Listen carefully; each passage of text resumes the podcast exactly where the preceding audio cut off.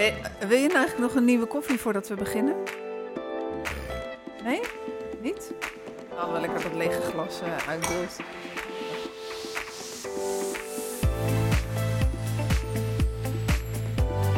Als je er klaar voor bent, dan. Uh... Ja, dan we beginnen. Ja. Ja? Zat materiaal, dus we kijken wel eens even hoe ver we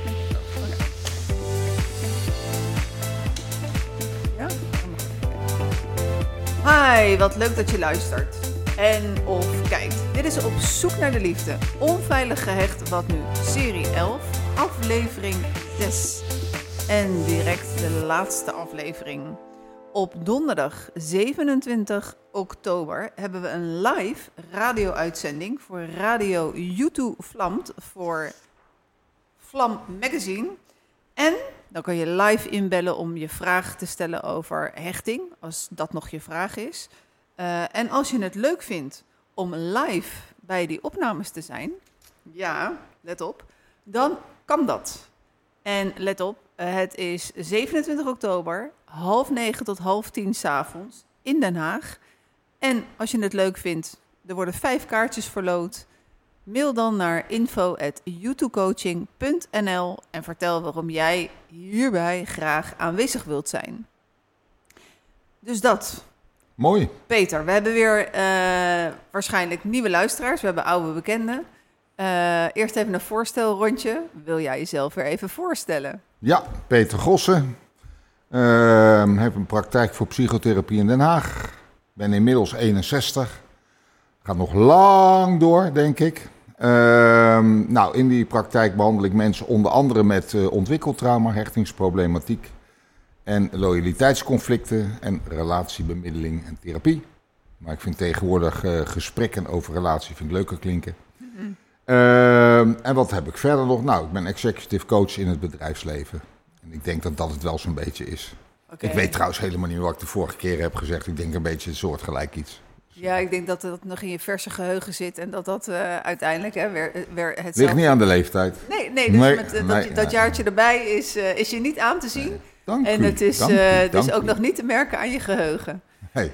Nou, voor de luisteraars, mijn naam is Annette Burgers. Ik ben relatietherapeute en ook stiefcoach.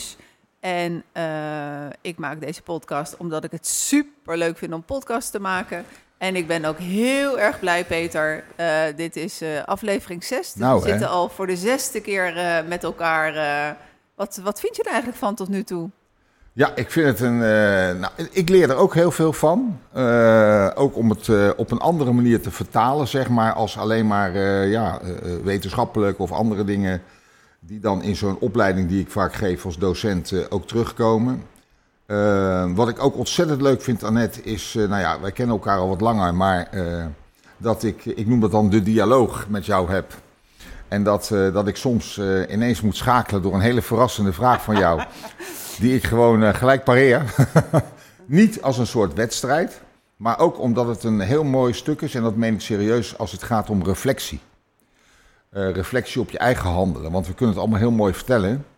Maar soms is het heel goed, nou soms, het is regelmatig heel goed dat wij reflecteren. En daar zal vandaag ook een stukje over gaan. Over uh, uh, hoe zit het eigenlijk met onze ontwikkeling, onze eigen ontwikkeling en onze eigen reflectie. Uh, reflectie, nou, misschien een duur woord, maar kijk naar jezelf.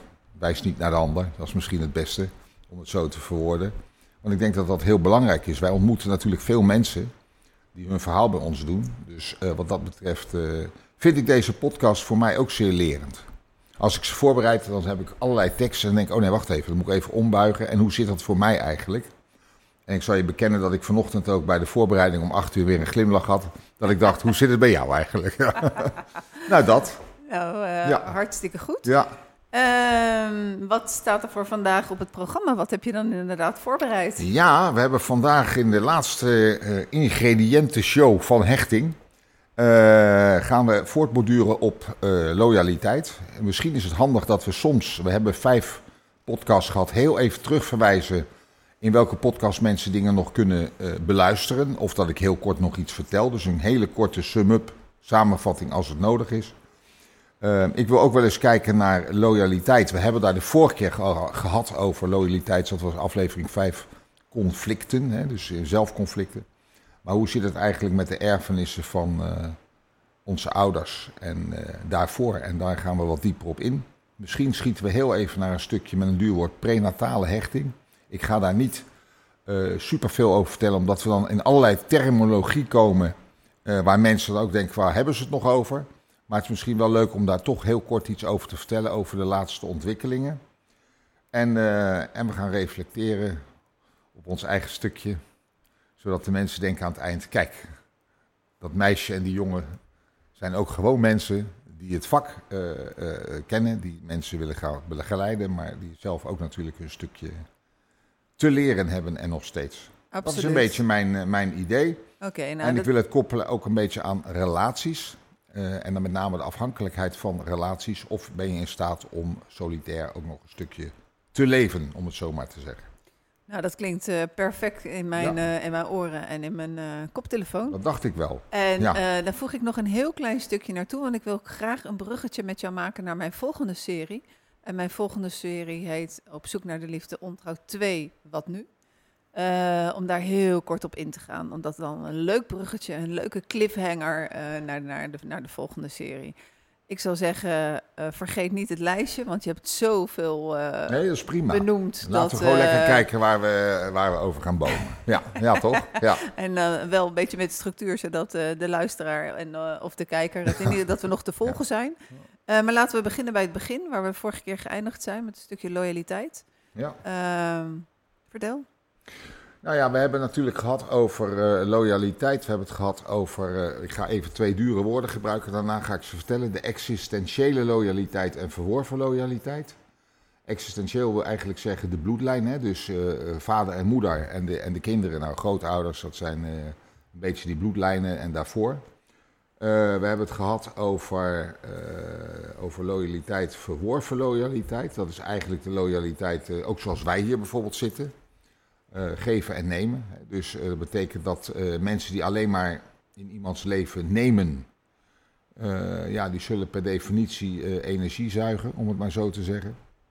Dat zullen mensen ook, denk ik, wel herkennen met gepaste arrogantie als ze dit horen. Dat ze denken, goh, ja, welke mensen in mijn leven nemen eigenlijk alleen maar op op de bankrekening. En ik bedoel dan ook de emotionele bankrekening. Hoewel tegenwoordig met alle inflatie is er andere bankrekening ook aardig uit. Absoluut, ja, ja. ja. Um, maar nee. het is ook wel heel erg leuk om iets verdiepend te kijken naar die bloedlijn, denk ik. Die existentiële loyaliteit. En waarom? Omdat wij allemaal als mens uh, de erfenissen meenemen van generaties daarvoor. Let wel, ik ga het wel even uh, duiden. We doen hier niet aan ouderschuld, dus parent blaming, mooi gezegd in Engels. Van ja, dat wat mij is overkomen, uh, dat ligt toch echt allemaal, zie je wel, dat ligt aan vader of aan moeder. Nee, zo werkt het niet. Uh, maar het is wel goed om te begrijpen waarom we soms dingen doen die we doen. Ja, en dan ga ik dan straks, voordat we doorgaan naar het volgende onderwerp, heb ik wel een zeer persoonlijk uh, mooi voorbeeld hierbij. Mooi. Wil je het gelijk kwijt of wacht je nog even op mijn betoog? Ik wacht op jouw betoog. Ik, ik had al zo vermoeden. Uh, moet ik met mijn gezicht naar... Oh ja, goed zo. Ja, gaat goed. Mooi. Oké. Okay. Ik krijg altijd het horen of ik... Uh, ik mag niet zo, want dan moet ik zo. Dus ik moet wel in de microfoon praten. Goed, nou... Uh, de bloedlijn. Eigenlijk zou je kunnen zeggen, even samenvattend... dat alles wat te maken heeft met ouders grootouders, bed overgrootouders, of overgrootouders, bed overgrootouders. Dat is de bloedlijn. Dus dat betekent vader en moeder, die komen bij elkaar, die krijgen bijvoorbeeld twee of drie kinderen. Die kinderen en de ouders, dat is een bloedlijn. Die ouders, die voeden op. Dat doen we allemaal. Hè. Ik bedoel, dat hoef ik niet uit te leggen. Best, ja. Wij doen allemaal ons best. En laat dat duidelijk zijn. Dat is de grote onschuldiging. Wij doen alles vanuit een positieve intentie, vanuit een positieve bedoeling. En als we dat niet doen, dan moeten we ons even nalaten kijken, denk ik. Hoewel, er zijn nog steeds uh, verwaarloosde gevallen die nog steeds worden aangemeld. Maar die halen, halen we er even uit uit dit verhaal. Anders zitten we in no time uh, op de stoel van de therapeut. En daar wil ik vandaag eventjes afblijven. Um, nu is het zo dat ouders die maken dingen mee in hun eigen jeugd. Leuk of minder leuk. En laten we even de, de... Want de leuke dingen die zijn heel mooi en belangrijk... Maar die komen nooit bij mij. Ik weet niet of dat bij jou ook zo is. Maar bij mij komen ze nooit binnen om af te rekenen. Om te vertellen dat het zo lekker gaat. Na een half uur met de koffie weer weg. Nee, ze komen bij mij altijd binnen met een bepaalde uitdaging. Uh, dus die komen met iets, uh, een, een, een, bepaald gedrag waar ze vanaf willen. Of wat ze juist willen aanleren. En wat ze uh, vroeger, zeg maar in de jonge jaren, menen niet te hebben geleerd. Of te hebben afgeleerd, weet ik veel. Wat je vaak ziet is dat als je kijkt naar ouders. Die zijn ook jong geweest. En die hebben in hun jeugd ook dingen meegemaakt. De ouders van de ouders, hè, zo gaat het maar door, zijn ook jong geweest. En het grappige is dat ik heel vaak te horen krijg: ja, dat wat mij is overkomen, ik wil niet dat mijn kinderen dat ook overkomt. Eh, dus wel, zie je soms vaak. Of je ziet een rolsverwisseling komen. Op een bepaalde manier is er toch een soort onbewuste loyaliteit, zou ik het willen noemen. En ik weet dat mensen dan, ik, ik hoor vaak van cliënten die zeggen: Ja, Peter, dat is mooi gezegd, maar wat is dan onbewuste loyaliteit? Ik zeg: Nou, dat is een handeling die je doet zonder dat je er echt bij nadenkt. Dat is een soort automatisme, een soort gevoel, gevoelsmatig. Je denkt er niet gelijk met het brein bij na, met een duur woord cognitieve uh, uh, intelligentie, om het maar even zo te duiden. Uh, en dat onbewuste stuk is soms best handig om dat wat bewust te maken omdat we eh, soms patronen, we noemen dat in de therapie legaten, erfenissen overnemen of meenemen, die niet altijd even handig zijn. Ik zal je een voorbeeld geven. Uh, ik heb een dame gehad. Zal ik, zal ik een voorbeeld? Ja, ik kan wel een voorbeeld geven. Ik heb een dame gehad. Peter, geef eens een voorbeeld. oh, oh, gaat dat zo? Oh ja. Uh, uh, die, die had heel veel moeite op haar werk, want ze kwam voor haar werk onder andere met, met autoriteit. Nou, dat zou te kort door de bocht zijn om gelijk te zeggen: Oh, dan gaan we eens even kijken hoe dat zat bij vader en bij moeder en noem maar op. Uh, maar we kwamen er wel uit bij die mensen. Uh, simpelweg omdat zij na een gesprek of drie, vier er wel degelijk achter kwam, of drie was geloof ik, dat ze eigenlijk reageerde. Het was een volwassen vrouw, een intelligente vrouw, maar gevoelsmatig reageerde. Als het kind van 12 wat een reprimande kreeg van vader die ook niet anders gewend was dan dat hij op die manier reprimandes kreeg van zijn vader. Ik probeer het zo kort mogelijk te duiden. En als het me niet lukt, moet je even ingrijpen, alstublieft. Want ik wil het zo, zo uh, duidelijk en helder en transparant mogelijk vertellen. Wat je ziet, is dat die vrouw best veel moeite had om dat te veranderen. Cognitief, dus in je hoofd, eh, bewust als therapeut zou je denken: Goh, je gaat iets anders doen, je gaat een andere handeling doen.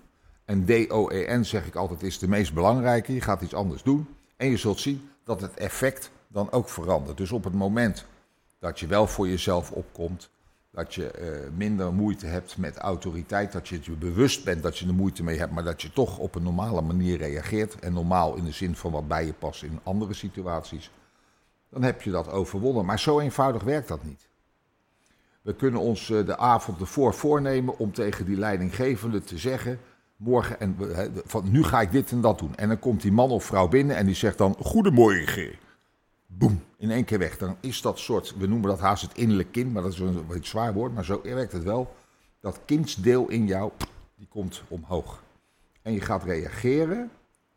Dat is heel apart. Ze gaat, dat was bij die vrouw ook, want ik heb het over die vrouw. Hè. Dus ze, ze zegt, ik reageer precies zoals dat kind van 12. En dan ben ik na afloop nog boos op mezelf dat ik toch niet anders heb gereageerd. Ik noem dat de triadische sabotage. Dus je wil iets doen, je doet het niet en daarna ben je nog boos op jezelf dat je het niet hebt gedaan. En dat, is een, eh, dat noem ik een erfenis van een vorige generatie. En dat noemen wij in, uh, in, in de vaktermen een kernpatroon. Een diep patroon wat in de jeugd is aangelegd. En hoe ouder Annette een patroon is, mensen zullen dat in hun, op hun eigen manier, als ze dit luisteren, zat herkennen. Ik heb er ook een paar. Misschien jij ook. Misschien ben jij heel gelukkig dat jij ze niet hebt. Nee, nee, ik maar, ga ik zo vertellen. Ja, maar het is heel apart dat dat zo werkt. Want we willen iets veranderen. Gelukkig kunnen we ook veranderen. Hè? Dus er zijn methodes en, en therapie. Gespreksvormen. Ik vind therapie altijd zo'n zwaar woord, maar zo heet het dan wel. Uh, waarin we op een gezonde manier patronen kunnen veranderen. Maar het begint bij bewustzijn. En op het moment dat die mevrouw bewust was dat ze eigenlijk iets deed van 12 jaar dan kon ze daar eigenlijk op haar, met haar volwassen deel op een goede manier naar kijken en eerst leren om te accepteren dat dit bij haar zo werkte. En als je wat meer wil weten over acceptatie, na 20 minuten op dag 1, podcast nummer 1, heb ik daar iets over verteld. In de podcast 2 kom ik erop terug. Wauw, heb je ze allemaal nog even Ja. beluisterd? ik heb ze geluisterd. ja, op standje Oh, wat 2 goed. trouwens. Wat. Nou ja, zo goed. werkt het wel. Ja. Ehm, dat is eigenlijk het eerste stuk. Omdat loyaliteit, de vorige keer toen we het daarover hebben gehad, dacht ik van goh, ik heb veel verteld over mogelijke valkuilen. Maar ik heb wat minder verteld over het ontstaan ervan. En ik heb ook een hele interessante, denk ik, met gepaste arrogantie dat die interessant is, eh, om naar te kijken in relaties, hoe je daar vast in kunt zitten. Ehm, maar wellicht komt die later. Eh, want ik wil jou nu de gelegenheid geven na mijn betoog. Dan ga ik een slok water nemen om daar zelf iets over te vertellen. Is dat akkoord? Dat is helemaal goed. Wat, wat zijn we al steeds meer op elkaar ingespeeld? Wij, gaan, wij moeten gewoon een vaste radiorubriek maken. Precies. Het Haags Orkakel. Ja. Oké, we gaan ons nu aanmelden bij eh, Omroep West. En eh, we gaan een radioprogramma beginnen. Eh, nou, ik ben al best, denk ik, heel erg open geweest over de relatieperikelen die ik achter de rug had, heb. En eh, volgens mij heb ik ook al, en misschien weet jij dan precies te vertellen in welke aflevering en welke minuut, maar heb ik ook al iets verteld over mijn thema, wat is mijn plek? En naar aanleiding, Aflevering drie. eh, aflevering drie, dat mijn vader eh, eh, na mijn geboorte eh, mijn oma belde en zei: eh, Het is helaas een meisje. Ja, heb ik dat niet- natuurlijk niet eh, bewust eh, gehoord. Eh, maar het is mij wel later eh, door, mijn, eh, door de frustraties van mijn moeder, is het nou zeker wel duizend keer verteld in mijn leven. Ehm, dus wat is mijn plek, is, is mijn thema. En nou ja, na aanleiding van de scheiding die ik zeer recentelijk heb meegemaakt, vond ik wel wederom, hè, als je het hebt over reflectie, eh, een stuk van, eh, nou hier moet ik nog wederom iets, iets mee, want dit is nog niet eh, genoeg geheeld of ik ben er nog niet genoeg deskundig in of ik heb mezelf nog niet genoeg onder, onder controle. Mooi. De scheiding heeft op, op alle aspecten geraakt natuurlijk op het plekje van, van wat is mijn plek. Dus ik ben daarvoor naar Loes Coat gegaan. De naam die ken jij ook. En eh, zij is, nou weet ik niet meer precies eh, welke woorden zij daaraan geeft, maar in ieder geval gaat het om de zeven generaties terug. Eh, De levensloop van zeven generaties terug. Ehm, ik had hakken aan, maar ik voelde eigenlijk al op mijn blote voetjes dat ik die hakken uit moest doen. En wij zijn zeven generaties teruggegaan. En bij de zesde generatie terug. Eh, en los van eh, dat het nog steeds niet te verklaren is hoe, hoe zo'n eh, opstelling in feite werkt. Nou, ik, ik begon helemaal te shaken. Ik kon ook niet recht blijven staan. De tranen stroomden over mijn wangen. En daar kwam heel veel verdriet vandaan. De generatie boven mij, dus mijn moeder, eh, ja, van wat is mijn plek, is ook haar thema, omdat eh, haar moeder, dus mijn oma, acht kinderen had gekregen en al die acht kinderen niet wilde. Eh, en mijn moeder daar de eerste van was en zij ook daar hele leven heeft gehoord, ik wilde geen kinderen. Hm, met acht kinderen. Ja. Precies. En mijn oma eh, was de dochter van, eh, van haar moeder natuurlijk. Eh, een vrouw die wel met heel veel liefde mijn oma op de wereld heeft gezet. Maar mijn oma was de bijvrouw of de concubine. Zo gaat de concubine, Ja. dat woord wordt in de familie gebruikt. van een meneer. En die meneer die was... Of die is uiteindelijk ook in de, in de oorlog is die weggevoerd. Eh, dus mijn grootmoeder heeft eh, mijn oma alleen opgevoed. En mijn oma had bijvoorbeeld een tante. eh, maar die tante bleek ook niet haar tante te zijn. Maar dat was dan een halfzusje. Dus dat waren ingewikkelde constructies. Nou, tot dan weet ik het. Maar ik weet in ieder geval wel hè, dat bij alle vrouwen boven mij. wat is mijn plek het thema is. En daarvoor wist ik het niet. Maar uiteindelijk, ja, nu weet ik nog niet, zeg maar, wie die zesde persoon was. Eh, maar ik weet wel dat dit een thema is van de vrouwen eh, in mijn systeem. Eh, dus als je het hebt over deze vorm van, van existentiële loyaliteit, Ja. dan zit die in mijn lijn. Oké, dus ik dacht dat is Ja, een heel mooi dat is voorbeeld. een mooie aanvulling. Ehm, nou ja, kijk, Loes Coat ken ik in die zin. ik heb er een paar keer ontmoet. Een systeemtherapeut. Of een systeemtherapeut die onder andere opstellingen van Hellinger doet. Hè? Tenminste, de materie van Hellinger. Ze gaat daar op een andere manier mee om. En ze heeft zich denk ik wel wat verdiept in Frans Roepert die zeg maar, die echt goed kijkt naar symbiose, loyaliteitsstukken. Frans Roepert is een Dokter Frans Roepert is een psychotherapeut, hoogleraar in München. Ik heb veel van zijn boeken gelezen. droge boeken, heel dik, maar zeer interessant. Vooral als je erg geïnteresseerd bent in die prenatale hechtingsproblematiek. En in eigenlijk stampatronen. En daar ga ik iets over vertellen voor de luisteraars. Stampatronen. Eigenlijk heb jij iets verteld over stampatronen. Dat zijn intergeneratieve, duur woord, generaties teruggaande patronen die als een soort leidraad door de familie heen draaien. Uh, in mijn familie is apart dat mijn vader en mijn moeder komen bij elkaar. Ik ga mij nou even niet vragen. Uh, nou, ik weet, hoe, hoe, ze elkaar ontmoet hebben? Nou, dat weet ik dan toevallig wel, want daar was ik. Maar uh, tenminste een paar maanden later. Hè. Maar, uh, en ik weet ook precies waar en hoe. maar los daarvan, want anders wordt het een Indianenverhaal. hadden ze allebei een thema. Heel apart. En mijn ouders, en ik denk ook jouw ouders niet, hebben, hebben niet een soort loose code-achtige sessie gehad. Dat was toen even anders. Maar het thema was vluchten. En vluchten was een soort thema, een soort stampatroon uh, in de familie. Mijn vader vluchtte bij conflict. En dan vluchtte hij uh, niet een, met een strandwandeling, maar die vluchtte dan naar een andere vrouw. Of die deed iets, die zat in de horeca. Een horeca's met een E erbij in Den Haag, dan heet het iets anders. Uh, en uh, mijn moeder had als thema vluchten, maar dat was echt letterlijk in de oorlog vluchten. Mijn grootvader was Joods en die moest uit Wenen weg. Mijn moeder komt uit Wenen, heb ik je wel eens verteld. Uh, dus ik heb veel Weense familie nog. Die zie ik ook één, twee keer per jaar. Ehm, en daar is een thema vluchten. En je ziet in die familie nog steeds, notabene, ander land, dat soort thema's telkens terugkomen. Dat is iets wat vluchten voor spanning, vluchten voor conflict, vluchten voor uh, confrontatie. Mm-hmm.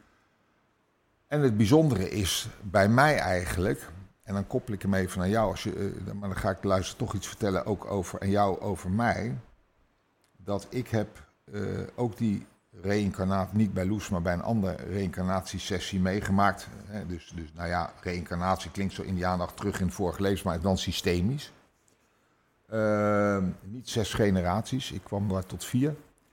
Maar daar kwam dat vluchten terug en toen wist ik het wat-thema. En dat hoor ik bij jou ook. Wat is er gebeurd? Wat voelde ik? Wat, wat, wat, wat, wat? En wat voor mij heel belangrijk daarbij was, is oké, dan weet ik dat. Dat is 60% misschien van de oplossing. Maar hoe ga ik nu bewegen? Die vind ik essentieel. Let's go. Ja, zal ik verder gaan? Ja, Oké. Okay. Nou, we hebben het gehad dus over dat wat en hoe. Hè? En die vraag die stel ik eigenlijk in mijn therapie altijd. Dus die 60% weten we met de wat-vraag. Maar hoe ga je nu eigenlijk bewegen? Dat is meest, meest essentiële. Goed, uitgelachen. We gaan door. Dus de wat-vraag en de hoe. 60% dekt eigenlijk de wat-vraag. En die wat-vraag is heel belangrijk. Want daarmee, uh, ja, daarmee haal je eigenlijk informatie binnen uh, van wat er is gebeurd. Wat ik heel belangrijk vind is ook de hoe-vraag. En, en, en, en dat vind ik de meest essentiële. En daarmee doe ik, wil ik niemand tekort doen, want wat is net zo belangrijk, maar hoe ga je nu bewegen? Want al op het moment dat je weet wat er allemaal is gebeurd en waarom je doet wat je doet, heb je nog geen voedingsbodem om daadwerkelijk ook iets te veranderen. Klopt. Ja, dus hoe ga je bewegen? Hoe signaleer je dat je bijvoorbeeld in zo'n oud patroon komt? Pak even, ik pak even niet jouw voorbeeld, hè, want dat heb je net heel open verteld, maar ik pak even het voorbeeld terug van die mevrouw uit mijn praktijk. Uh, uh, uh, hoe herken je nu steeds meer bij tijds dat je in zo'n patroon loopt? Ja, dat je de gevarenzone inkomt. Ja, hoe buig je om? En, en, en kun je accepteren, dat is ook vaak heel lastig, kun je accepteren dat bepaalde patronen zo oud zijn dat ze bij je horen.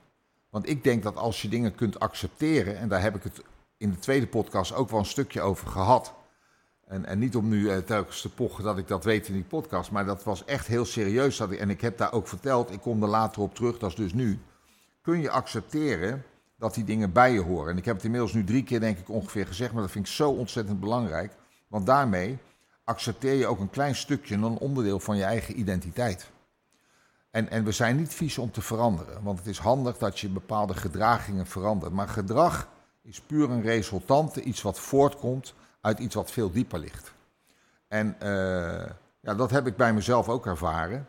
Uh, dat ik, heb, ik heb ook wel uh, de neiging om, uh, als ik bijvoorbeeld een relatie met iemand heb, of dat nu een liefdesrelatie is of een, een zakelijke relatie, om daar te snel als een soort, nou ik noem het dan maar lief innerlijk kind, vertrouwen in te hebben. Daarmee bedoel ik niet dat in zakelijke of liefdesrelaties de ander uh, te wantrouwen is of dat de ander dingen doet die niet kunnen, daar heb ik het allemaal niet over. Ik heb het puur over dat ik te naïef ben soms in mijn vertrouwen. En dat is iets wat, uh, wat ik absoluut heb geërfd van mijn vader. Maar mijn vader ging bij teleurstelling andere dingen doen. En ik heb ervoor gekozen om de hoe-component op een andere manier in te vullen. Uh, ik zou jou zeggen, Annette, dat ik heb het net mooi verteld over acceptatie. Nou, dat heeft bij mij echt een tijdje geduurd dat ik dat van mezelf kon accepteren. Zonder daar echt nou boos om te worden. Blijkbaar hoort dit bij mij. Is dit een onderdeel? En is dit een, nou ja, schaduwzijde of een kwetsbaarheid uh, die ik te accepteren heb? Los daarvan dat ik natuurlijk best ook kan bewegen. En dat doe ik ook wel. Ben echt wel veranderd in die tijd. En het leuke... Natuurlijk de hamvraag hoe je beweegt. De hamvraag is hoe je beweegt. Dus puur je bewust worden van hoe, hoe jouw strategie werkt, hoe jouw gedachten werken. En dat kun je uh, en dat maakt ons vak ook zo uniek. Dat kun je ook niet altijd alleen. Ik heb ook echt gemerkt, als ik dit vak wil uitvoeren, dan kom ik eigenlijk op een ander stukje van ons, uh, ons, uh, ons, ons, ons beroep, onze professie, onze, ja, onze missie, nou, hoe je het wil noemen. en die is voor jou weer anders dan voor mij. Maar bijvoorbeeld mijn, ik, ik vind het belangrijk dat ik als therapeut goed bewust ben wat mijn eigen kwetsbaarheden zijn de term, en ik ga hem toch gebruiken, ik zit te twijfelen, moet ik hem gebruiken, maar overdracht tegen overdracht. En dan heel simpel verklaard van dat je uh, zelf dingen hebt meegemaakt. Ik zeg het heel kort door de bocht om het simpel te houden. En een ander die bij jou komt, die maakt dat ook mee. Dan ben je geneigd te gaan adviseren of je neemt het zelf mee naar huis s'avonds. Mm uh, dat soort dingen, dat is een soort PE, permanente educatie, continu alert zijn op dat soort zaken. Ik heb het gisteren nog meegemaakt trouwens. Oh. Ja. Wij onderbreken deze uitzending voor een live interview. Gaat uw gang. Nee, nee, nee, maar het oh. gebeurt natuurlijk ontzettend vaak. Ja. Uh, een, meneer, een meneer en mevrouw zitten hier, hebben net een, uh, een, een, huis gekocht. Uh, het ging oh. over financiën, het ging over hypotheek, over gesprekken daarover. ja, dat is nog niet zo lang geleden dat ik die gesprekken ook heb gehad en dezelfde thema's voorbij kwamen. Dus dat zorgde wel voor dat ik ehm, die middag ergens doorheen moest. Ja. Als je bewust bent, is dat oké. Ja. Ik vind ook in ons vak trouwens uh, dat wij eigenlijk een aantal malen per jaar, ik doe dat nog steeds, nog steeds, in supervisie moeten. Wij moeten in leertherapie, in supervisie, anders kunnen wij mensen die bij ons op bezoek komen gewoon onvoldoende goed begeleiden. En ik zeg het misschien, er zullen mensen luisteren die ook ons vak doen en die zeggen, nou ja, is dat zo? Maar er zullen veel zijn die het echt beamen. Als wij niet bijblijven, zeker in de materie van hechting, nou dat is booming op dit moment. Uh, als wij niet bijblijven, als je niet ieder jaar je educatiepunten haalt, ja, dan heb je denk ik na twee jaar, en dan zeg ik het heel cru, niets meer te zoeken in dit onderdeel. -hmm. Een ander stukje is, wat ik nog, als ik het mag afmaken even, is dat, en dat wil ik heel erg benadrukken, wij hebben nu zes podcasts gemaakt. Ik zou er wel twintig kunnen maken over dit onderwerp. Nou, twintig is wat veel, maar vijftien redden we wel. Maar dat mag niet. Maar, uh, maar uh, laten we er geen isme van maken. Ik heb ook collega's. Ik zeg ook, trouwens, ik heb uh, studenten in mijn lokalen zitten. Die ik dan vertel, ik zeg, weet je, ja, die, herleiden alles naar hechting. Omdat ze zitten er helemaal in, ze hebben veel gelezen. Ik zeg, ja, maar pas op. Als mensen bij je komen, hoef je niet tegelijk te zoeken naar, oh, dat is misschien de hechting of wat. Er zijn hele therapieën, ook in de relatietherapie heb je dat. Uh, in jouw professie ook. een stukje de mijne, die zich heel erg richten op dat gehechtheid. Dat mag, maar het is een onderdeel. Het is geen isme, het is geen doctrine, het is een onderdeel van een holistische aanpak. En holistisch is verschillende facetten onderzoeken samen met de mensen die bij jou en bij mij op bezoek komen om geholpen te worden. En dat wil ik toch even echt expliciet, nadrukkelijk benoemd hebben. Dat vind ik heel belangrijk. Twee dingen. Ja, maar je wil wel zeggen. Ja. Nee, je, je ging net terug naar eh, het voorbeeld van die dame in de praktijk, naar dat ja. stukje hoe. Eh, Ja. Heb je dat nou, ben je daar nou helemaal, heb je dat uit- uitgelegd? Want dan heb ik hem goed gemist. Heb je hem goed gemist? Oh, nou, Niet dan, moet- gewoon dan moet ik gemist, maar ook wel goed gemist.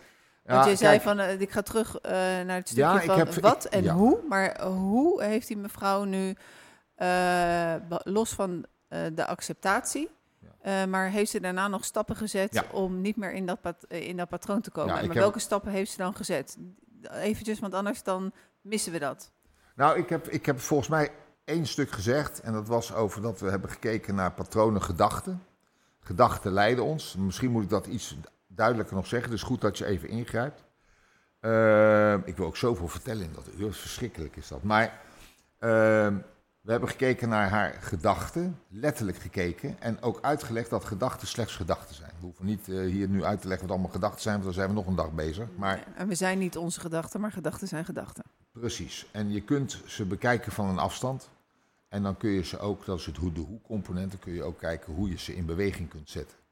Er zijn hele mooie methodes voor. Eh, ook hele leuke methodes die mensen gewoon thuis kunnen oefenen. Heel praktisch, heel mooi. Eh, we doen dat onder andere met eh, een therapievorm, en dat heb ik wel eens benoemd, die we ACT noemen. Acceptance Commitment Therapy, duur woord. Maar die gaat echt over die gedachtes. Over die fusies in ons hoofd, die contracten, die vastzittende dingen. En als je dat kunt, dan ben je ook in staat om beter te leven naar je eigen waarden en normen. En, en we noemen dat mindful leven. Dus geen mindfulness, maar mindful leven. En zo zijn er nog een aantal eh, componenten in die therapievorm die, eh, hoe heet dat, die heel essentieel zijn eh, om dat in beweging te zetten. Dat is de hoe.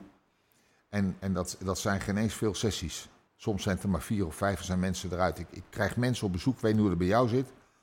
Maar die zijn dan twintig keer bij iemand op bezoek geweest, of vijf- 25 keer. En zeg maar, maar oké, wat heeft u daar gedaan? Hè? Dat vind ik dan belangrijk om te weten, dat we geen dubbele dingen doen. En dan gaat er wel eens bij mij door mijn hoofd heen. Los van dat het ook een professional is, daar heb ik het helemaal niet over. Dat ik denk, moet dit niet gewoon in zes sessies kunnen of zo? Of in acht? eh, dat, dat vind ik heel belangrijk. Heb ik het zo wel een beetje uitgelegd? Ja, zeker. Oké. Je mag door naar waar je gebleven was. Ja, waar was het nou eigenlijk gebleven eigenlijk? Ja. Oh ja, ik had het over ons vak. Ja, ja, precies. Nou ja, eh, laat ik daar dan ook niet al te lang meer bij stilstaan dat het wel heel belangrijk is dat we dus eh, zelf eh, onze eigen reflectie doen, onze eigen supervisie, onze eigen leertherapie. En, en dat, dat deel ik ook vaak wel met studenten. En ik denk dat ik er dan eigenlijk wel alles over, over verteld heb voor nu. Ehm, waar ik, nou laat ik dat zo zeggen, want anders, anders wordt het heel theoretisch verhaal. Maar misschien heb ik het net al verteld, want je onderbrak me even, dus ik zoek even de schakel weer. Maar dat ik ehm, bij mij, eh, ik, ik heb niet al, al te vaak een overdracht tegen overdracht. Heel soms. Dat ik, nou, ik probeer hem altijd bij ieder gesprek even te evalueren. Eh, maar waar ik bijvoorbeeld heel eh, erg op geraakt kan worden, is, is een thema wat dan bij mij speelt, een soort onrecht. Nou, daar zullen meer mensen last van hebben, maar... Heel veel mensen Ja. hebben daar last van. Maar ik, ik, ik kader hem dan even aan de in-sessie gesprekken.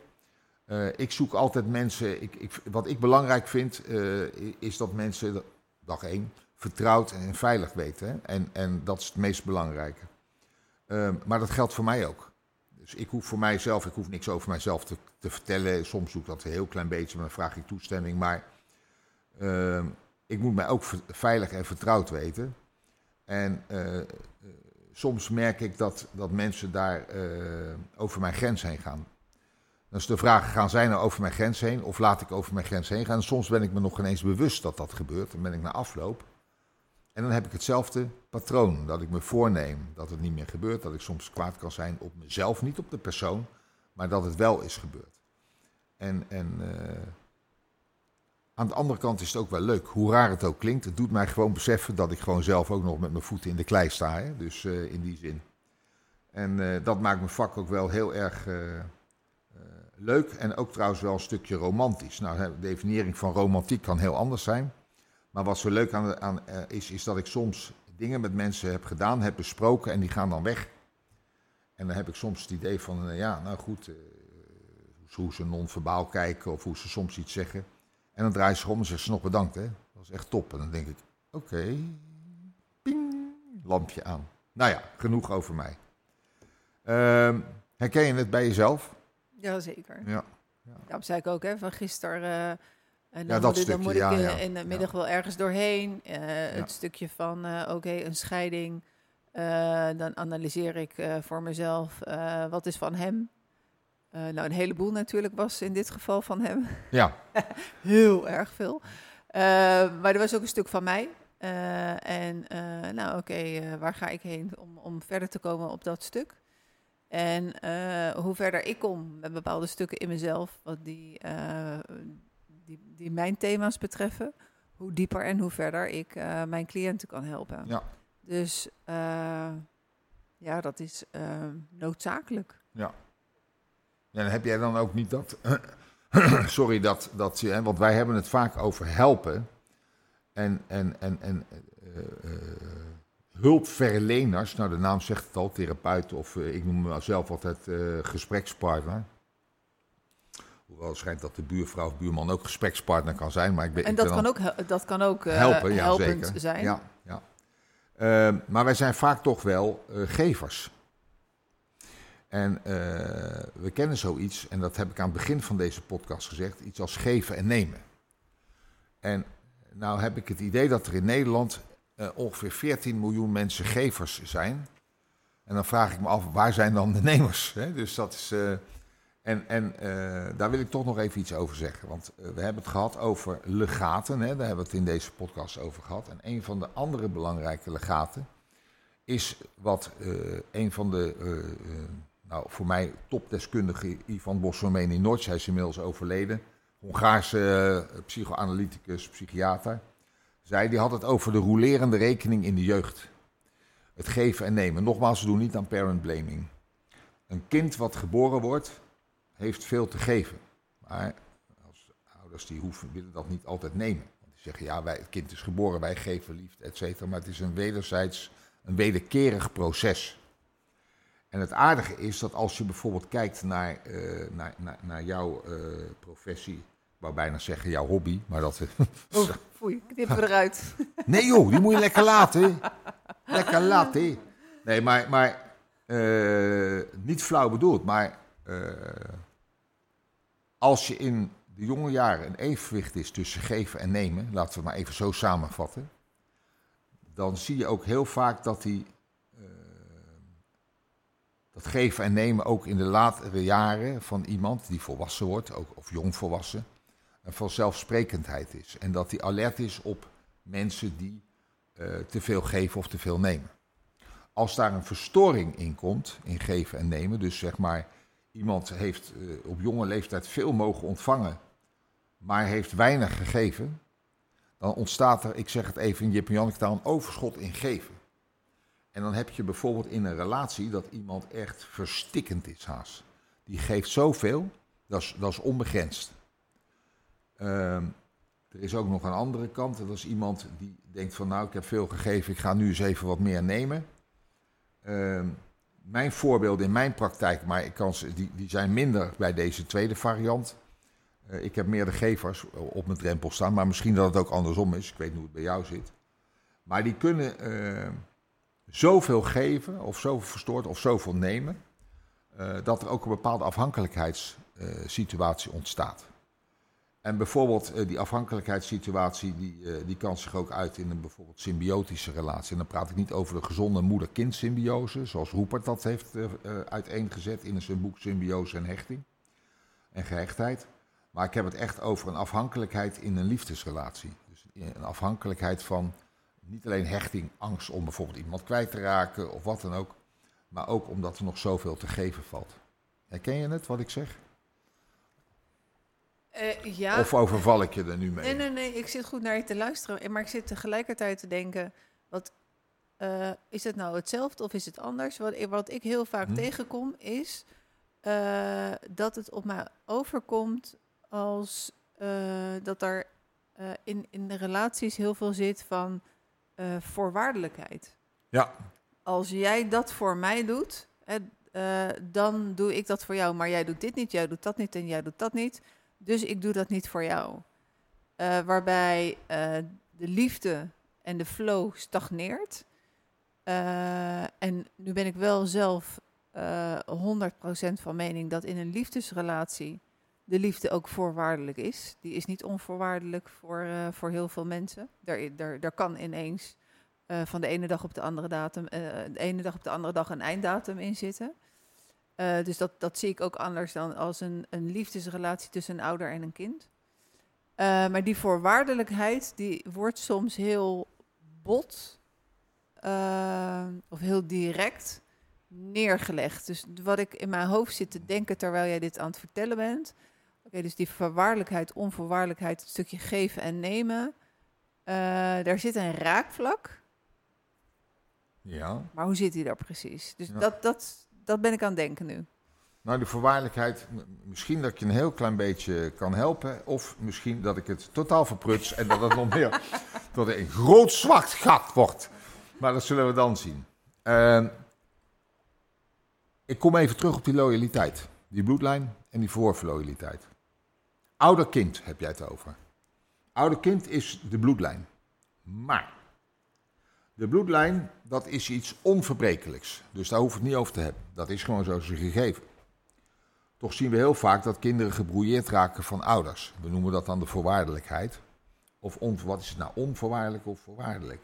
Ik denk zelf dat het niet onvoorwaardelijk is. Dat je moet investeren en dat de rol van ouder verandert. Sowieso als ze ouder worden. Dus als ik eh, met mijn zoon een weekend weg ben, dat is een volwassen man. En eh, daar heb ik natuurlijk ben ik nog steeds de vader. Ik kan luisteren naar dingen, eh, maar we gaan wel om als volwassen mannen met elkaar.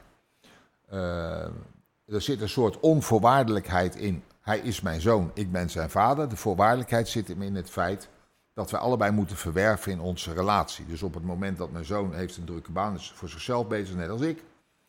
Eh, en we trekken aan de bel en vinden dat we elkaar even wat intensiever moeten zien. Eh, dat vind ik geven en nemen. En daar zit een bepaalde eh, houdbaarheidsdatum op. Als je dat vergeet, dat is de voorwaardelijkheid. Zo zie ik het, hè? dus dat is mijn mening daarover. Zo zie ik ook een, een liefdesrelatie. Wij zijn bij elkaar een liefde lang. We kunnen de definiëring doen wat liefde is, et cetera. En hoe je eh, zeg maar die voorwaardelijkheid wat korter maakt door handelingen te doen die niet helemaal passen bij, eh, bij, de, Bij de de ethi- bij de, nou, in ieder geval bij de ethische afspraken.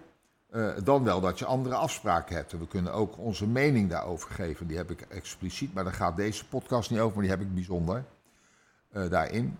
Ehm, de, voor, de, de, de, de voorwaardelijkheid ligt in het feit op twee manieren. En dan zou ik dat op die zin willen afsluiten. Dat ieder 50% verantwoordelijk is voor de ontwikkeling van zichzelf en de, relatie daarin.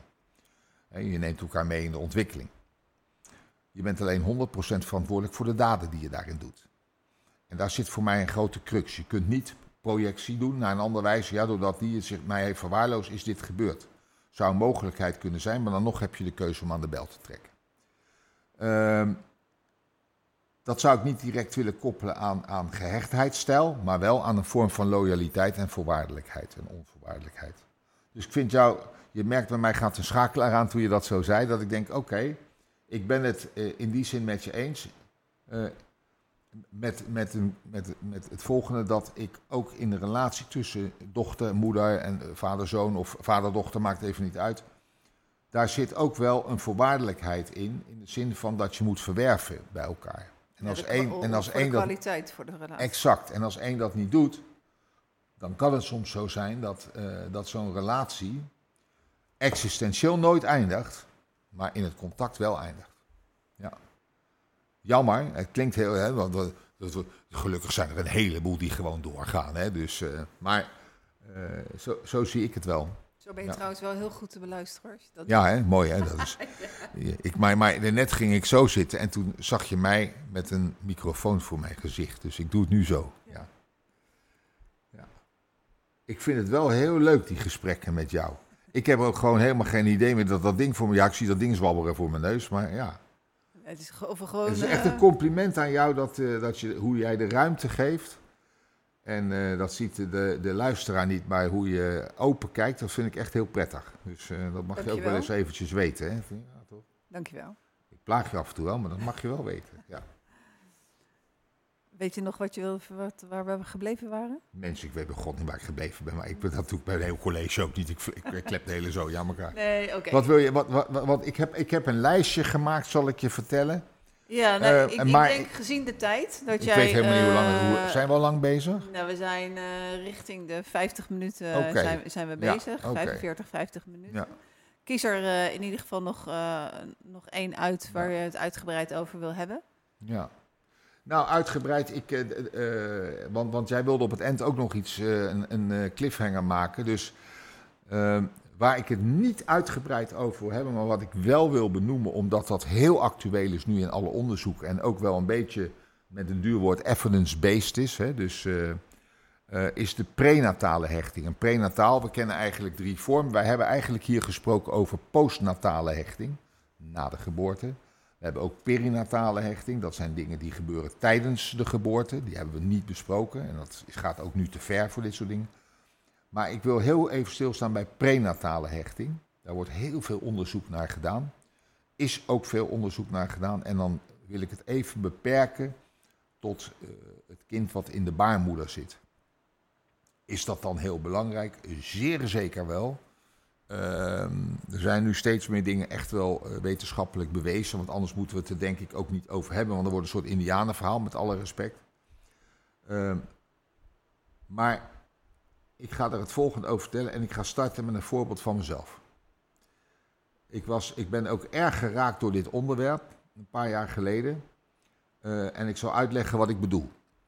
Ehm, ik ben een. Ik, eh, jij kent mij en, en de mensen hebben me nu een paar keer gehoord, maar ik ben een vrij gepassioneerd mens. Eh, en ik heb, als het om identiteit gaat, mij wel geaccepteerd wie ik ben zoals ik ben. Ik vind me eigenlijk best wel geinig. Hè? Maar eh, wat er bij mij vaak heeft gespeeld, is dat er eh, een soort onrust bij mij ontstaat in mijn lijf. Dus ik heb het puur over lichamelijke gewaarwording die ik niet helemaal kan beschrijven of duiden met woorden, maar het is onrust. Het voelt als een soort storm in mijn lijf. En op dat moment moet ik naar buiten. Ik moet fladderen. Dus eh, ik noem dat altijd fladderen. Ik moet beginpaan en ik moet rennen. Ik heb mij lang afgevraagd van oké, nou de- waarschijnlijk heb ik eh, gewoon een dikke vette ADHD. Of eh, weet ik wat ik allemaal heb in DSM. Nou, DSM is het, eh, trouwens het boek waar alle afwijkingen in staan. Nou, is dat boek, ik weet, heb je hem? Moet je, moet je gewoon zo even bladeren en dan zeg je stop en dan kijk je, heb je ook. Hè? Dus dat is, die wordt echt heel reuze. Hebben we allemaal. Hebben we allemaal een beetje. Maar niets was minder waar. En zo kwam ik een paar jaar geleden in, eh, in contact met iemand die eh, wist dat er heel veel onderzoek werd gedaan naar prenatale hechting. Nou, ik ben daarover gaan lezen. Eerst in de, eh, ook bij Frans Hoepert ben ik veel dingen over gaan lezen. Vroeg kinderlijk trauma en dan allemaal zware woorden. Duitsers gebruiken vaak het woord trauma heel snel. Als er een deuk in een boter zit, is al een trauma in het pakje. Maar goed, los daarvan vond ik de materie heel boeiend. Ehm, en ben ik maar steeds meer in gaan verdiepen. En toen was er een film, er is een film, die laat ik aan studenten nog steeds zien. Je kunt hem nog wel vinden. En dat heet In Utero. Jij kent hem, denk ik. Ja, ik heb hem ook eh, inderdaad gezien. En ik ben daar toen heen geweest. Die circuleerde in eh, België, Nederland en Duitsland. Toen was het allemaal bewezen, zeg maar. En de eerste keer kon ik daar, zal ik je vertellen, aan net niet naar kijken door de ogen van de therapeut. De tranen liepen over mijn wangen. Dus ik beleefde hem als eh jochie Piet, om het maar zo te zeggen. Later ben ik nog een keer geweest met een collega en toen kon ik hem van afstand meer bekijken. En ik heb hem nu ongeveer 30 keer bekeken en iedere keer verwonder ik me weer wat ik le- leer. En wat je met name leert is dat er in de zwangerschap gaat natuurlijk zat dingen allemaal goed. Maar er zijn ook dingen die eh, echt van invloed kunnen zijn op het kind wat geboren gaat worden. Bijvoorbeeld als moeder. Ik heb het dan echt even over moeder, want het is natuurlijk de eerste hechtingsfiguur. Eh, bloot wordt gesteld aan, aan, aan veel stress. Denk bijvoorbeeld tegenwoordig aan, aan moeders die vluchtelingenstatus hebben of die moeten vluchten op de vlucht zijn. Nou, we weten alle beelden op televisie. Eh, is ook zo'n onderwerp daarvan. Mijn moeder heeft heel veel angst. Eh, vluchten en angst gekend in haar leven en ook in de zwangerschap. Daar heb ik later met haar nog eens over gesproken. Is dat dan dat zij daar schuldig aan is? Nee, Annette, ze is niet schuldig. Maar ze heeft wel door haar hormonale huishouding hormonen eh, zijn vrijgekomen, stresshormonen, et cetera, noem maar op, die op mij wellicht wat zijn overgedragen. Dat gaat natuurlijk niet op mond op mond, maar dat gaat wel cellulair. We hebben het dan over cellulair geheugen, uh, placenta en dus hormonale stuk uh, en navelstreng. Dus het wordt overgedragen. En dat weten ze dat dat gebeurt. Dat is gewoon wetenschappelijk bewezen. Als, je dat, als mensen dat willen zien, dan kunnen ze daar googlen en dan kunnen ze daar heel veel over lezen totdat je een sik krijgt ongeveer. En er is een Amerikaan, nee, er is een Engelse psychiater, Dr. Frank Lake, die heeft het umbilical affect geschreven. Dat is het enige moeilijke woord wat ik ga gebruiken, hopelijk nu. En, uh, en dat heeft er meer mee te maken van, oké, is een kind gewenst of niet gewenst? Ah, voilà. Dan kom je weer terug op jouw stukje. Uh, en dat verklaart soms de onrust uh, waarom we willen rennen, waarom we alleen willen zijn, of waarom we zo enorme behoefte hebben om van relatie in relatie te stappen. Niet het alleen willen zijn. Ik zeg niet dat als iemand dat meemaakt, dat we zeggen: Oh, dat is gelijk dat. Nee, dat zou het veel te kort door de bocht zijn. Maar het was voor mij zo'n openbaring dat deze studie. En, en ik kan er nog zoveel over vertellen, maar ik stop er nu echt even mee. Dat is zo'n openbaring dat, dat deze studie er is. Ik vind het fantastisch. Het heeft mij erg geraakt. Ik heb er eerst ook zelf leertherapie en supervisie opgenomen. Ik heb het ook ondergaan, zo, die sessies. En, en nu kan ik ze ook met mensen delen. En, spreek ik ook met mensen die echt onverklaarbare reacties hebben, die bij me zitten. Dat is het hoe. Hoe zet je het in beweging? Dus we gaan het eerst over het wat hebben en dan het hoe. Dat wilde ik er nog een beetje over kwijt. En natuurlijk kunnen we daar nog zes podcasts over maken als je dat wil, maar niet voor nu. Nee, nee, nee. Ik wil alleen eventjes van, uh, van dat stukje van dat mensen van relatie naar relatie gaan. Kan je die even wat meer uitleggen? Ja, mensen moeilijk vinden om alleen te zijn. Of die bijvoorbeeld uh, het lastig vinden om het patroon waar ze iedere keer tegenaan lopen. Hè, de, die, die dan natuurlijk de schuld is van een ander in eerste instantie. Maar ik heb ook wel mensen die echt wel bij zichzelf kijken en zeggen: ja, dit, vind ik, dit is gewoon mijn ding. Dit is gewoon, als ik daar niks aan doe, dan kan ik van die relatie naar die relatie hebben zes, zeven relaties gehad. En dat, dat eindigt. Maar dat is geen fout bij mensen, dat is geen fout van het verleden, het is een gegeven. En daarin is het soms heel mooi dat dat onderzoek prenataal is geweest, hè, uh, waarop we kunnen zeggen, oké, okay, daar komt dat wellicht vandaan. En je voelt in je lijf, ja, ik kan het niet of, of, het of, of, het klopt. Mm -hmm. Ik voelde in mijn lijf dat het klopt. Ik wist ineens waar mijn onrust vandaan kwam. Dat lag helemaal niet aan mijn moeder. Dat is geen schuldige, het is een gegeven. Daardoor kon ik uh, in mijn leven ook, mijn, mijn, en dan sluit ik het af, anders wordt het een heel theatrale sessie, maar kon ik uh, mijn moeder ook onschuldigen daarin. Mm -hmm. Aflevering 1 en 2. Ik kon, ik kon haar onschuldigen. En uh, daar, wil ik, daar wil ik het, als je het goed vindt, mee stoppen. Of heb je nog een vraag daarover? Nee, nee, nee, nee, nee, nee, nee, nee dat is helemaal goed. Voor, voor zover stoppen we. We gaan eventjes wel nog door voordat we hem helemaal afronden. Uh, mijn volgende podcastserie gaat over ontrouw. Hm, boeiend. Uh, ja, dat uh, is een, een, een, een taboe onderwerp. ik heb daar al een serie over gemaakt. ik heb er geen geheim van gemaakt. Later, tijdens die serie, heb ik dat geheim wel geheim gehouden. Maar later heb ik onder andere in een interview met het AD verteld waarom ik die serie gemaakt heb. Die serie heb ik gemaakt omdat ik uh, klaar was met mijn eigen ontrouw. En uh, dat ik op dat moment dacht van, uh, wat ga ik doen? Ga ik in therapie? of ga ik, bij, ga ik daar een serie over maken met wellicht dezelfde werking? en zo geschieden. toen ik ergens bij aflevering 8 of 9 kwam, dacht ik, ja, nou weet ik het wel. nu weet ik het wel, maar ga door om de serie af te maken. Ik heb toen besluit genomen van, nou, dit gaan we niet meer doen. Uh, in die zin wil ik zijn waar, waar ik voor sta. Wil ik, wil ik zeggen wat ik doe en wil ik doen wat ik zeg. Uh, en toch blijft het thema, uh, omdat het een taboe is, vind ik het een, een ongelooflijk belangrijk thema om daar nog een podcast over te maken. in die podcast ga ik niet bij collega's langs, maar komen mensen die ik niet van de straat pluk, zo is het niet. Maar eh, die zich aanmelden of die ik vraag om, eh, om hun verhaal te vertellen. eh, hun eigen ervaring over ontrouw. hoe ze het doorleefd hebben. Waar ze hulp bij nodig zouden hebben gehad. eh, welke twijfels ze hadden. Welke keuzes ze gemaakt hebben. Vanuit welk uitgangspunt. bla bla bla. Die mensen die komen aan de microfoon en die komen hun verhaal vertellen. anoniem of niet. Want het, vergt nogal wat om, eh, om inderdaad met je billen bloot te gaan, omdat er een ongelooflijk grote oordeel eh, op zit. En een, vooral ook een veroordeel. Ehm, het is een hele open vraag.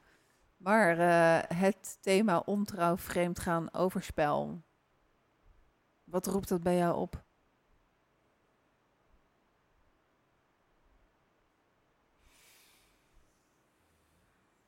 Ja.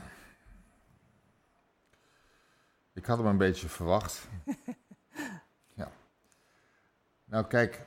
ehm, ik, ik zou je met klem iets mee willen geven. Dat je niet alleen de daders interviewt, maar ook de slachtoffers. Ehm, natuurlijk eh, krijg ik eh, regelmatig, omdat ik ook relatiebemiddeling doe, te maken met dit thema. En heb ik er zelf ook mee te maken gehad. Ehm, van beide zijden trouwens. Ehm, de vraag die ik mij eh, stel, maar nu moet ik oppassen dat ik niet te veel uitweid, want dan wil ik graag nog een podcastaflevering eh daarover houden. Ehm, ik denk dat a priori eh, de mens niet monogaam geschapen is. Denk ik. Ehm, er zullen zat mensen zijn die nu zeggen, "Oh, dat- dat dat is prima. Helemaal goed, want daar gaat het nou juist om. Welke mening heb jij en welke afspraken maak je daarover? En welke eh, voorwaardelijkheden zitten, er, zitten erin? En dat is helemaal oké. Ehm, ik heb contact met mensen die daar een andere mening over hebben. En dat is helemaal oké, die daar heel open in zijn. Ik gun jou een podcast met Leonie Linsen. Ik gun jou die podcast. Ik hoop dat ze ooit dit hoort. De vrouw die gewoon op televisie daar heel open over is geweest. En die, eh, geloof ik, eh, de halve goede gemeente aan die tafel daar eh, over zich heen kreeg. Maar die heel rustig en kalm uiteen kon zetten. Wat zij verstaat onder relatievormen. Is trouwens een goede vriendin van Loes. Ehm, is voor mij een. Ik zie haar niet vaak meer. Ze schrijft nu weer een boek. Maar zij heeft een. Ken je haar boek toevallig? Nee, ik, weet dat je nu gaat zeggen dat is het boek van de ene kant en de andere kant. En dan, ga, dan, ga, verdorie. en dan ga ik weer opschrijven, oh, dat boek ga ik kopen. Annette, Maar nu dat- ga ik het echt doen. Je kan het zelfs van mij lenen. Als je, wil. het is fantastisch. En, en ik gun mensen de moed. De M-O-E-D. De moed. Om de dialoog met elkaar aan te gaan. Want ik, ik gun je de bevrijding van wat jouw voorkeur is. Los van het feit dat je in een lange relatie, kort lang, maar goed, ik noem lang, in een relatie ineens iets kan meemaken waardoor je eh, over de monogame grens heen gaat. Er zijn zat momenten. Eh, maar dan is dat gebeurd. Maar wat doe je ermee? Hou je het geheim? Of gooi je het open? Ik heb getracht dit zo kort mogelijk te beantwoorden. Maar ik zou er nog een uur over voor kunnen lullen, maar dat mag niet. Nee, ik denk dat het wel een leuk onderwerp is om terug te laten komen in de radio-uitzending. Ja. Oh ja, ja. En eh, in, in, eh, in antwoord, eh, en ook voor de luisteraar, om, om geïnteresseerd te raken. Eén, als je je verhaal wil vertellen, wees welkom en zoek contact met me. En het andere stukje, ik begin de podcastserie met, eh, met eh, vanuit de gasten. De eerste aflevering neem ik zelf op, maar de, de tweede aflevering is met Marjolein. En eh Marjolein, haar man, is vreemd gegaan. Daar vertelt zij over. En vanuit het vreemdgaan is er een babytje geboren. En Marjolein en haar man zijn nog steeds bij elkaar. En zo nu en dan is het een gigantische uitdaging. Eh, dus ook van die kant eh, is er aandacht. Ehm, en er is zeker ook aandacht voor het stuk, eh, want dat kom ik ook in mijn praktijk tegen, van oké, iemand is vreemd gegaan, heeft inmiddels ehm, een relatie erbij die al eh, behoorlijk wat tijd loopt. En wil inderdaad het gesprek aangaan van, ja, we hebben een monogame relatie, dat hebben we ooit afgesproken.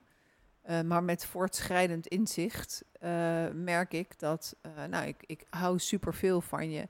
En we zijn elkaars jeugdliefde of we hebben iets wat, wat, wat ongelooflijk mooi is. Tegelijkertijd mis ik het een, het een en het ander. Dat vind ik elders. Kunnen we erover praten of, of, of dit een optie is.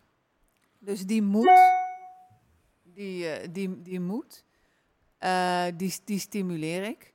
Eh, omdat ik zeker, eh, dat is een beetje een stokpaardje van me.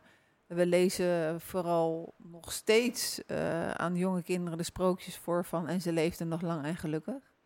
En de realiteit is weerbarstiger. En dat zei je toen straks mooi, van een liefde lang. Liefde. Eh, ja. een, een, een, een liefde lang. Ik denk dat dat een hele mooie vervanging is van een leven lang.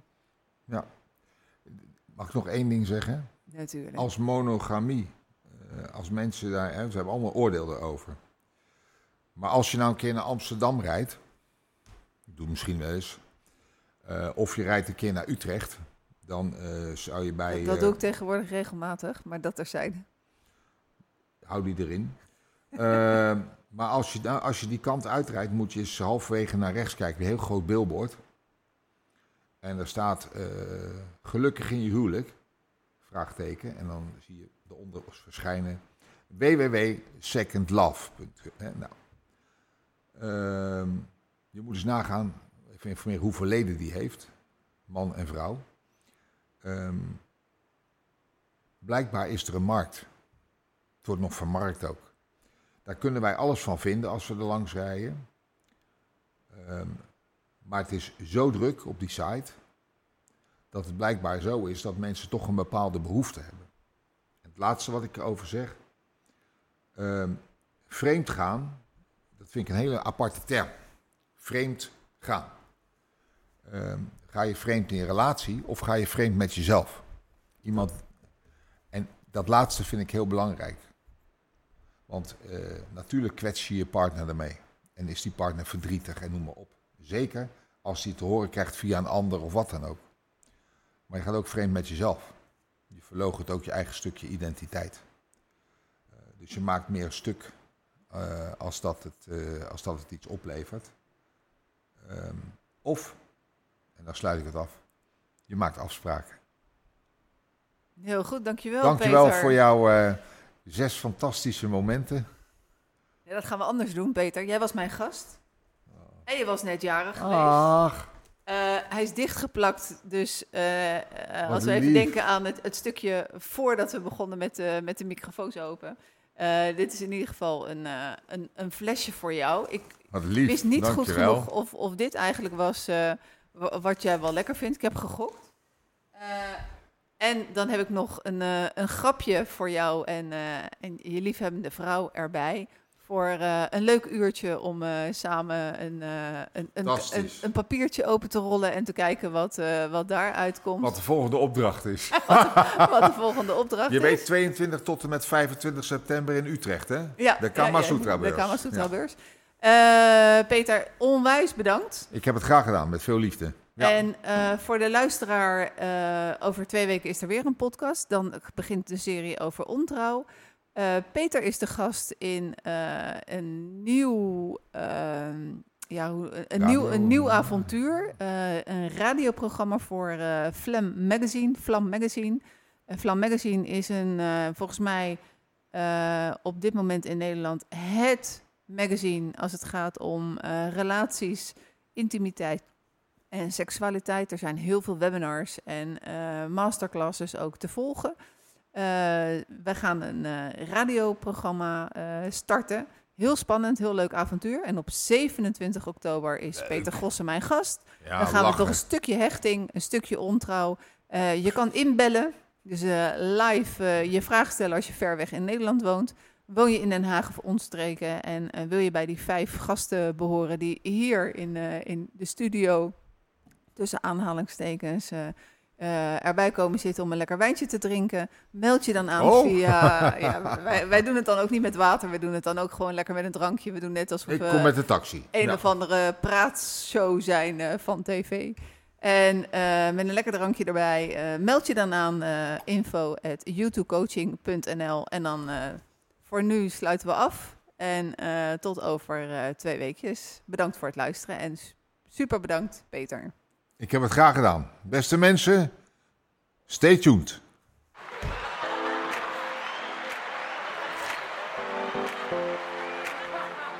Nou, je moet tunen, hè? Want je gaat naar de radio, hè? Stay tuned. Sorry. Ik moet lachen. Hallo? Die, die microfoon staat nu wel goed, maar die zie ik. Nee, maar je hebt gewoon zo'n... eh, Ja, wat is het eigenlijk? Sorry. Je dat ding niet gewoon een beetje of zo nee, zetten? nee, nee, dat mag niet. Maar nee, nee. eh, Oké. ik, Maar eh, misschien als zo dan. Zou ik zo kunnen. Hoor je mij zo? Ja. Maar dit wordt helemaal niks. Als ik nou weer over wat begin, dan eh, begin je weer te grijnzen. Dus... Die vraag stel ik me heel vaak.